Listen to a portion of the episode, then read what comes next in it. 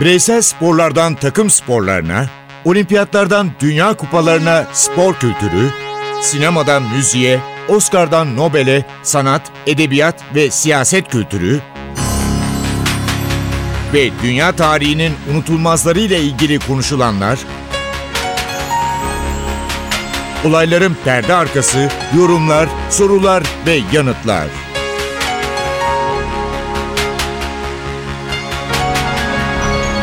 Ercan Taner ve Mert Aydın'la Ateş Arabaları başlıyor.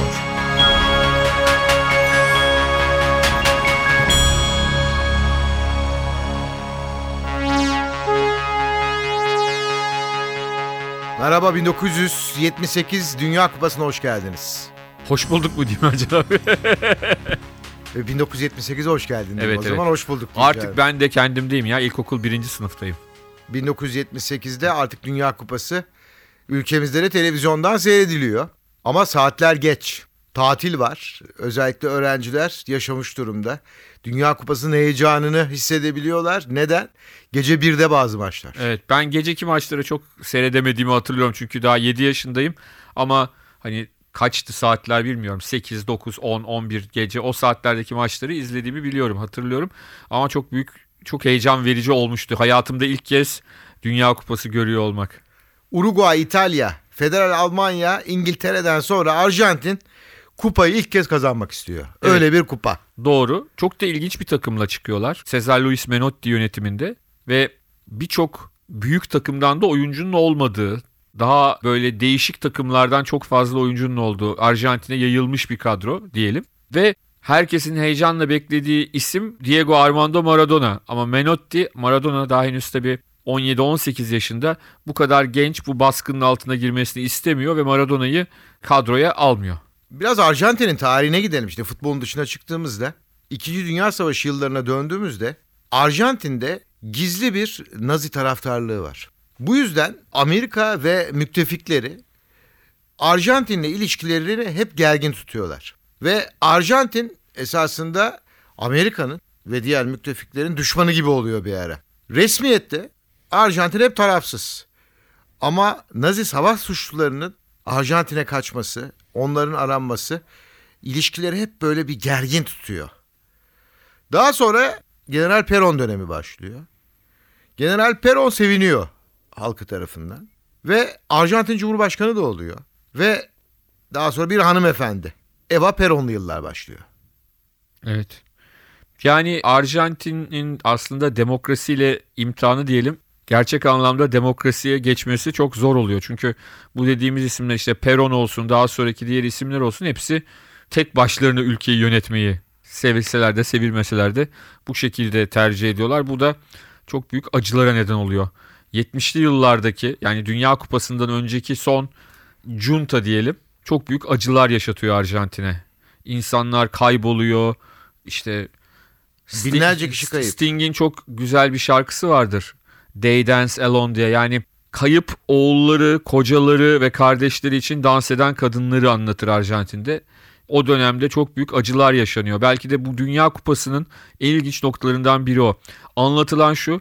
Hapiste çok fazla insan var. işkence çekiyorlar ama Dünya Kupası boyunca televizyondan milli maçları izlemelerine izin veriliyor. Ve çok ilginç bir şekilde, çok dramatik bir şekilde işkencecileriyle sarılarak birbirlerine gol atılınca, Arjantin gol atınca. Yani çok kısa bir dönem o insanlar, o birbirlerine düşman, birbirine işkence eden insanlar sevgiyle beraber aynı heyecanı yaşıyorlar. Çok hani ben okuduğumda, öğrendiğimde çok dehşete düşmüştüm. Şimdi 1976 yılında yapılmış bu darbeden sonra 1982 78 Dünya Kupası da geçiyor. Yönetim devam ediyor ve Falkland adalarını kendisine çok yakın Arjantin asker. Malvinas adaları onların deyimiyle Evet. İngilizlere göre Falkland, Arjantinlere göre Malvinas. İngiltere ben adaları rica edeyim diyor. Hayır diyor Arjantin. Ve İngiltere donanmasını gönderiyor. Arjantin kaybediyor. Arjantin'in bu yenilgisi ülkede de büyük bir ekonomik durgunluğa hatta ekonomik problemlere, büyük problemlere yol açıyor. Ve Arjantin'in ekonomik durumu çok bozuluyor. Bu yüzden de bahsettiğimiz o darbe hükümeti de veda ediyor Arjantin politikasına ve seçimler yapılıyor. Evet tabii seçimlerden sonra işte Carlos Menem'i birçok ilginç devlet başkanı, cumhurbaşkanı geliyor Arjantin ama hep böyle bir nasıl diyeyim fazlasıyla otoriter rejime girmeye doğru çok müsait bir ülke Arjantin her zaman. Bu kupada da Menotti sol fikirlere sahip bir teknik direktör. Kendine has. Evet e, çok fazla sigara direktör. içen, gece hayatını seven genç bir teknik adam. Ama junta başarının onunla geleceğini düşünüyor. Her türlü o görüş ayrılığına rağmen Menotti'yi göreve getiriyor. Bu arada ilginç bir şey daha Brezilya'nın başında da yine bir eski bir asker var. 1970 Dünya Kupası'nda yardımcı antrenör olarak görev yapmış. Cooper testini Amerikan ordusundan alıp Brezilya'da uygulamış. milli takıma futbola uygulamış. Yüzbaşı Coutinho. Yüzbaşı Coutinho yönetiminde Brezilya milli takımı ki o da bu kupadan 3 yıl sonra esrarengiz bir şekilde çok iyi bir dalgıç aynı zamanda daldığı bir yerde ölüyor 40'lı yaşlarının başında. O da Brezilya milli takımını çalıştırıyor ve herkesin isteği şu Brezilya'da tamam biz hep samba yapıyoruz olmuyor. Bu sefer biraz daha Avrupa'yı oynayalım. Yıllarca hep oldu zaten 78'de de bu çok konuşuluyor Brezilya işte belki elinde büyük yıldızlar var başta Zico olmak üzere ama biraz daha Avrupa takımları gibi oynamaya çalışıyor. Şimdi Arjantin mi? Brezilya mı? Federal Almanya mı? İtalya mı? Hollanda mı? Kupayı kim alacak diye önceden konuşuluyor. 1974'ün finalisti Hollanda. Bu sefer Cruyff yok Hollanda'da. Arjantin'de Maradona diye bir oyuncu var o yıllarda. Herkes Menotti'ye kızıyor. Maradona'yı neden kadroya almadın diye. Bu büyük bir sürpriz. Diego Armando Maradona yeteneğini zaten çoktan göstermiş durumda. Ama kendine münhasır bir kişilik. Luis Cesar Menotti ve Maradona'yı kadroya almıyor. Almıyor. Arjantin'de grup maçlarında zorlanıyor. Yani kazandığı maçlarda da çok ciddi hakem yardımları var Fransa ve Macaristan maçlarında. Ve grubun son maçında da İtalya'ya yeniliyorlar. Bettega, beyaz saçlı prens Bettega'nın golü Arjantin 0, İtalya 1. Tamam Arjantin tur atlıyor ama ne oynanan oyundan memnun taraftarlar ne gösterilen performanstan. Ve o dönem 78 Dünya Kupası'nın kuralları gereği üstte bir grup daha var. Ve bu grupta birinci olduğunuzda final oynuyorsunuz, ikinci olduğunuzda üçüncülük maçına çıkıyorsunuz. Ve Arjantin'in bu gruptaki rakiplerine bakıyoruz. Bir tanesi ezeli rakibi Brezilya, bir tanesi Peru, bir tanesi de Polonya. Ve Peru takımı büyük sürpriz yapıp gruptan çıkmış ve hakikaten Kubiyaslı kadrosuyla diyelim. Oblitas, Kubillas. Müthiş bir takım. Çumpitas. Çok çok da iyi bir takım. Ve Arjantin Brezilya maçı herkesin heyecanla beklediği maç berabere bitiyor. Ve öyle oluyor ki grubun son maçlarına gelindiğinde grubun son maçlarının arasında birkaç saat fark var. Yani aynı anda oynatılmıyor. Sonraki yıllarda öyle oldu ama çok geç. Ve Brezilya'nın maçından sonra Arjantin'in Peru'yu 4 farkla yenmesi durumunda final oynayacağı ortaya çıkıyor. Bunu bilerek sahaya çıkıyor. Ve ne oluyor biliyor musunuz? 4 fark değil 6 olsun deniyor. Kempes'in 2 golü var. Tarantini, Luque ve Hoyzaman. Luque'nin golü 72. dakikada 6. gol. 50. dakikada atıyor Luque. 67'de Hoyzaman yine golünü atıyor. Maçta Kempes 21 ve Tarantini 43 ile zaten evet ben seni 4-0 yeneceğim diyor ama bu maçla ilgili o kadar çok şey konuşuldu ki Peru'nun maçı bilerek Arjantin'e verdiği hala değerlendirilir konuşulur. Ve çok da ilginç bir şey var. O iki maçın arasında saatler olması daha önceden itiraz edilmesine rağmen kalkmıyor. Ve çok ilginç bir şey var. FIFA başkanı yani bütün bunları yapacak kişi aslında bir Brezilyalı Joao Havelange. Ancak o da Arjantin'deki junta'nın baskılarına boyun eğiyor ve maçların arasında bu kadar saatlik bir fark oluşuyor. Maçtan sonra Menotti'nin bir açıklaması var. Ben bile takımımın bu kadar iyi oynadığını bilmiyordum diye. Arjantin'in bu kupadaki başarısı tabii ki takdire şayan ama çok fazla maalesef soru işareti barındırıyor. Acabalar, acabalar, acabalar var. Ama 1978'de müzikte acabalar yok. Çünkü artık Queen var. Ve unutulmaz bir şarkı var. Evet. Futbolla da çok ilgili. Hala bugün bile bir kupada Sporla çok ilgili. Ha- Ya, sporda şampiyon oldunuz mu bu şarkı hemen akla gelir. bir yerde champions. I've paid my dues time after time. I've done my sentence, but committed no crime. And bad mistakes, I've made a few.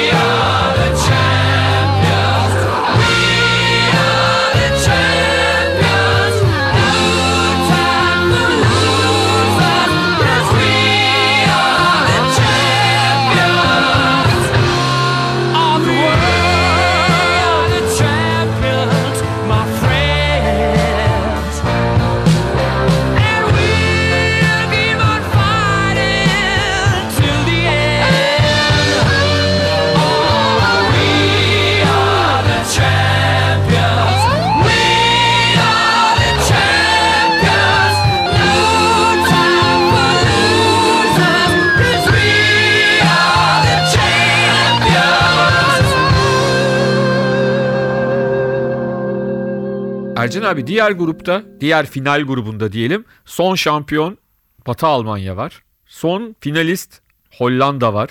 İtalya var. Hakikaten çok zorlu bir gruptan bahsediyoruz.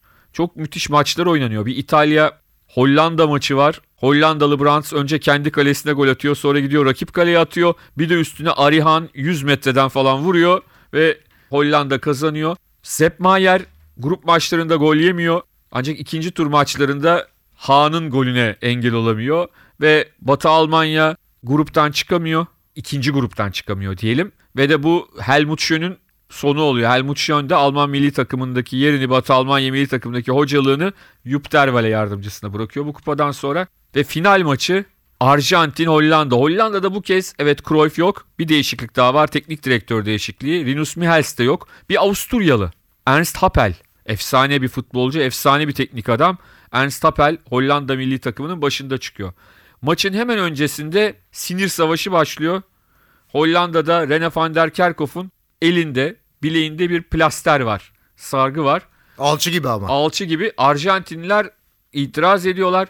Orada maçın hakemi, Arjantinli oyuncular, İspanyolca bilen Johan Neskens bir tartışma. Maç geç başlıyor bu yüzden. Nihayet o işte plasterin üstüne bir sargı daha sarılmasına karar veriliyor ve maç bu şekilde başlıyor. 1-0 öne geçiyor e, Arjantin. Monumental stadında yalnız 71 bin, 72 bin seyirci var. Ve tabii ki senin de hep söylediğin gibi maçtan önce atılan konfetiler. Konfeti deyince akla Konfeti gelen. tarihi. Evet.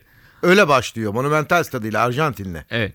Kempes'in golüyle 1-0 öne geçiyor Arjantin. Maçın sonları yaklaşırken artık Arjantin kupaya yakın derken oyuna sonradan giren Naninga kafayla durumu 1-1 yapıyor. Maç uzatmaya gidiyor derken 90. dakikada Nasıl bir an o? İnanılmaz Böyle bir an. şey olamaz. Hollanda'nın sol açığı, efsane sol açığı diyelim. Yine 74 takımının da bir oyuncusu. Anderlet'in efsane oyuncusu. Rob Rensenbrink'in çaprazdan, sol çaprazdan vuruşu. Kaleci Fiyoli geçiyor. Tıngır mıngır direğe çarpıp sahaya geri dönüyor. O anda gol olsa Buenos Aires'te 72 bin seyirci yıkılacak. Belki Ya de sanki 1950'ye döneceğiz. Brezilya Uruguay maçına. Ercan abi diyorum ki belki de Arjantin'e demokrasi gelirdi. Yani junta yıkılırdı belki. Arjantin'de. Öyle şey oldu. Öyle bir sessizlik oldu ki. Tabii maç 1-1 bitiyor bu gol olmayınca. Uzatmada da 2 gol birisi Kempes'ten. Kempes ki 6 golle o da gol krallığına erişiyor. Hollanda bir kez daha Dünya Kupası'nı kazanamamanın üzüntüsünü yaşarken Arjantin'de tarihinde ilk kez kupayı kazanıyor. Kupayı kaptan Passarella büyük bir gururla kaldırıyor. O yıllar sinemada yeni yıldızlarla tanıştığımız yıllardan biri. Kim mi? John Travolta. 1978 Saturday Night Fever. Evet Saturday Night Fever filminin de çok ünlü bir şarkısı var. Bee Gees grubu söylüyor. Onu dinleyelim. Staying Alive.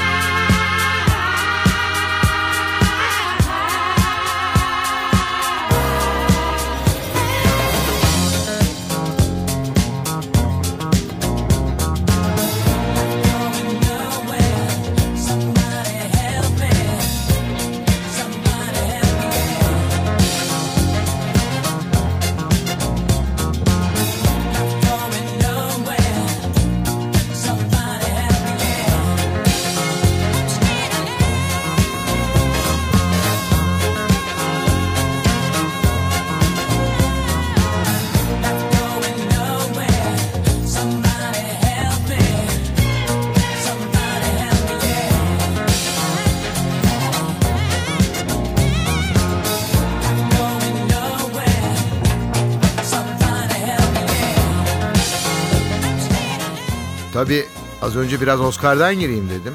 Woody Allen, Richard Burton, Marcello Mastroianni. Bunlar adaylar. Çok iyi de filmler var. Onları da söyleyebiliriz. Oscar'ı The Goodbye Girl mü alıyor? Goodbye Girl oyuncu dalında alıyor Evet. en iyi erkek oyuncu. Benim hayatımda en çok güldüğüm filmlerden biridir bu arada. Seyretmemiş olanlara mutlaka tavsiye ederim. Çok müthiş eğlenceli bir filmdir Goodbye Ama o Girl. yıllarda bir film var. İlk defa görüyoruz. Star Wars. Evet. Star Wars'ta en iyi film adaylarından biri ama kazanamıyor. Bir Woody Allen filmi kazanıyor en iyi film Oscar'ını. Annie Hall, Woody Allen o dönemki sevgilisi Diane Keaton'ı oynattığı film ve Diane Keaton da en iyi kadın oyuncu Oscar'ını alıyor. Richard Dreyfuss en iyi erkek oyuncu Oscar'ını Goodbye Girl'le alıyor. En iyi yardımcı erkek oyuncu Oscar'ı Jason Roberts'a, en iyi yardımcı kadın Oscar'ı da Vanessa Redgrave'e gidiyor ve Woody Allen da en iyi yönetmen dalında Oscar'ı kazanıyor. Senle daha önceki programlarımızda da bunu konuşmuştuk ve yorumlamıştık. Çakal Carlos. 1978 Çakal Carlos'un da yılları. Biraz daha öncesi. İliç Ramirez Sanchez. Evet. Namı diğer. Ve Çakal Carlos Stockholm'da yakalanıyor. Ben o değilim diyor serbest bırakıyorlar. O yıllarda büyük bir skandal olarak değerlendiriliyor. Tabii ki. Ercan abi hatırla yıllarca bir tane fotoğrafı vardı gazetelerde sırf yakalanana kadar o bir kalın gözlüklü fotoğrafı, kalın çerçeveli gözlüklü fotoğrafı çok ünlü oldu. Niye çakal dendiği de çok ilginç. Aslında meşhur bir kitap var. Filme de defalarca Frederick çekilen. Forsyth'in kitabı. Evet. Çakalın Günü Çakal ya da Türkçedeki çevirine Day of the Çakal. Herkes şunu düşünür kitabı okuduğunda. Ya herhalde bu çakalı yani Çakal Carlos'u örnek alarak o adı aldı. Tam tersi aslında. Bir gün polis Çakal'ın olduğunu düşündüğü, daha doğrusu İliç Ramirez Sanchez'in olduğunu düşündüğü bir eve baskın yapıyor. Evde kimseyi bulamıyor ama Frederick Forsyth'in kitabını buluyor. Bu haber oluyor ve ondan sonra Çakal Carlos adını alıyor. Yani Ya, kita- lakabı Çakal oluyor. Evet kitaptan geliyor. Yani kitabın tesadüfen polis baskınında bulunmasından geliyor. Bu da herhalde çok ilginç noktalardan bir tanesi. Çakal Carlos'un arka arkaya eylem yaptığı, tanınmadığı, yüzünün görünmediği yıllar. Fakat onun da tabii yakalanıp şu anda Paris'te müebbet hapis cezası çektiğini de Çok günümüzde zaten. çok yaşlandı. Hatırlatmamız lazım. E, Superman 1976'da bir İngiliz yapımı aksiyon filmi olarak dünyada 1978'de, Türkiye'de ise 1979 yılında sinemalarda gösterime Evet giriyor. ben de sinemada gittiğimi hatırlıyorum. Ben Babam de. götürmüştü. Superman serisinin ilk filmi onu hemen evet, söyleyeyim. evet evet evet. Ercan abi o yıllar kaybolan yıllar mıydı acaba? Yani Christopher Reeve maalesef. Marlon Brando ve Gene Hackman.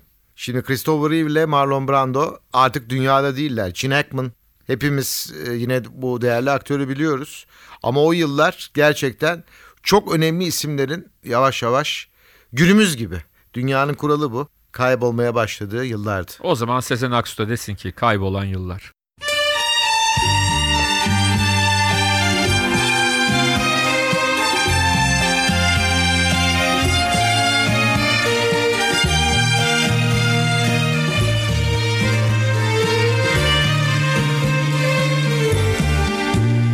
Dönüşü yok. Beraberce karar verdik ayrılmaya. Alışmalı arkadaşça yolları ayırmaya. Şimdi artık gözyaşları gereksiz akmamalı. Alışmalı kendi yaramızı kendimiz sarmaya. Şimdi artık kelimeler yetersiz anlamı yok. Yitirmişiz anılarla beraber faydası yok. Gel bunları bırakalım Gerçeği görmeliyiz dostum başka çaresi yok. Şimdi bana kaybolan yıllarımı verseler Şimdi bana seninle bir ömür vaat etseler? Şimdi bana yeniden ister misin deseler? Tek bir söz bile söylemeye hakkım yok. Şimdi bana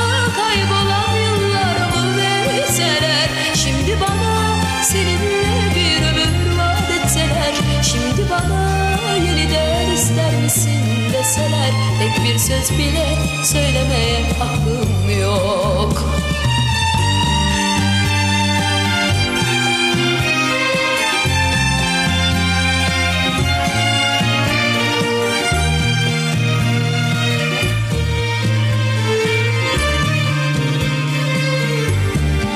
Şimdi artık kelimeler yetersiz anlamı yok yitirmişiz Anılarla faydası yok Gel bunları bırakalım?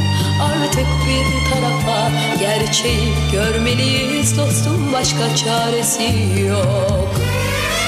Şimdi bana kaybolan yıllarımı verseler Şimdi bana seninle bir ömür vaat etseler? Şimdi bana yeniden ister misin deseler? Tek bir söz bile söylemeye hakkım yok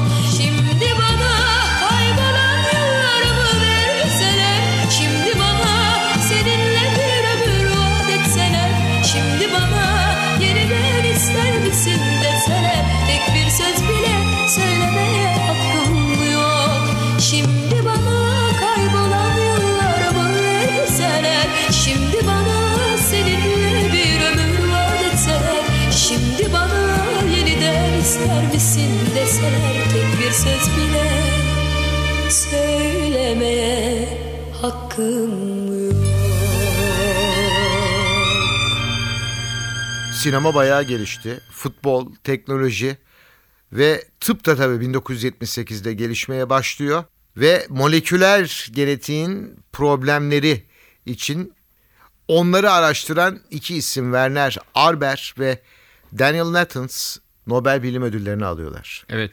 Benim dikkatimi çeken 78'deki Nobel ödüllerinde Barış Ödülü. Barış Ödülü Mısır lideri Enver Sedat ve İsrail lideri Menahem Begin'e veriliyor. Meşhur adlar çok duyulmuştur. Camp David'de işte Jimmy Carter'ın nasıl diyelim himayesinde Birleşik Amerika Başkanı Carter'ın himayesinde Mısır ve İsrail bir barış sürecine giriyorlar. Ve bu barış sürecinin ardından da ikisine Nobel Barış Ödülü veriliyor. Ama işte 3 yıl sonra da Enver Sedat bir suikaste kurban gidiyor. Voyager 1, Voyager 2. 1977. NASA Mars'a gitmek istiyor. Viking 1 ve Viking 2. Bu gemiler uzaya gönderiliyor. 1978'de gidiyorlar. 79 yılında Viking 2 uzay aracıyla bağlantı kesiliyor. Olmuyor olay. Hala proje devam ediyor. Ama Viking 2 uzay aracı Mars'a iniyor. Daha o yıllarda tabii insansız. Yoksa gariban bir astronot hala Mars'taydı şu anda. Onu söyleyebiliriz. E belki daha rahattı. Olabilir. Ya bu yıllar çok önemli gerçekten. Ercan abi e, Uzay çalışmaları anlamında. yine bir Travolta müzikali 78 yılına ait ve o müzikale adını veren şarkı Frankie Valli'den dinliyoruz Grace.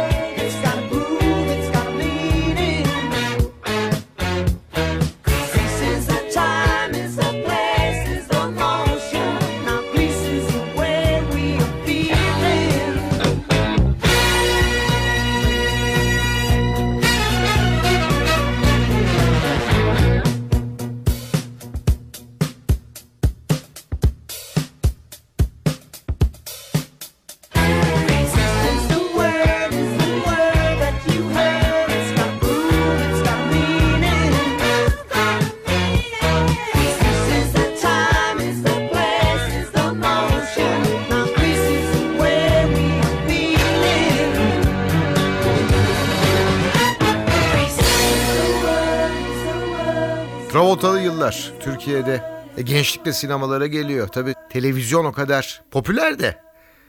O kadar popüler Akşam değil. açılıyor. Akşamları açılıyor televizyon. Ama şu var, e, bunu söylemeden edemeyeceğim. Ertem Eğilmezli yıllar ve tabii ki unutulmaz isimlerden biri var. Münir Özkul. Ertem Eğilmez yıllarına gelince Münir Özkul'dan, Şener Şen'den, Hababam sınıfından bahsetmemek olmaz. Peki abi turşu suyu sence neli olmalı? Sirkeli mi limonlu mu? İkisi birden olmalı bence. Sence? Bence de. Çok kısa bir Münir Özkul, Şener Şen bölümü dinleyelim bence. Ne dersin? Abi şu benim tıraş bıçağı için bir şey demedin. Dedim 10 para vermem. Ama abi. Ha. Abi. Vallahi bu sefer son abi. Ha. Bin lira ya. Gör bak belimi doğrultuyorum bu sefer abi. Bana bak ya. Bu kaçıncı ya? İşte ev işte sofra. Kardeşimsin yersin içersin yatarsın. Ama benden metelik alamazsın artık. Darılırım ha. Ah nerede o günler? Aa kalbimi kırdın. Ben gidiyorum. Git ulan hadi git. Aa. Bak bir daha gelmem ha. Gelme be. Bak sonra pişman olma ha. Defol ulan. Peki.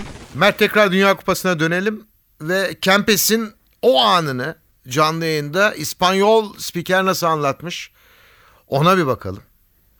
Ve ondan sonra da veda zamanımız bir konuşalım. desde atrás, pero se quedó en posición de fuera de juego. Sacó ya Pasarela. El balón en poder de Bertoni. Aguantado muy bien Bertoni. El balón para Kempes. Kempes dentro del área.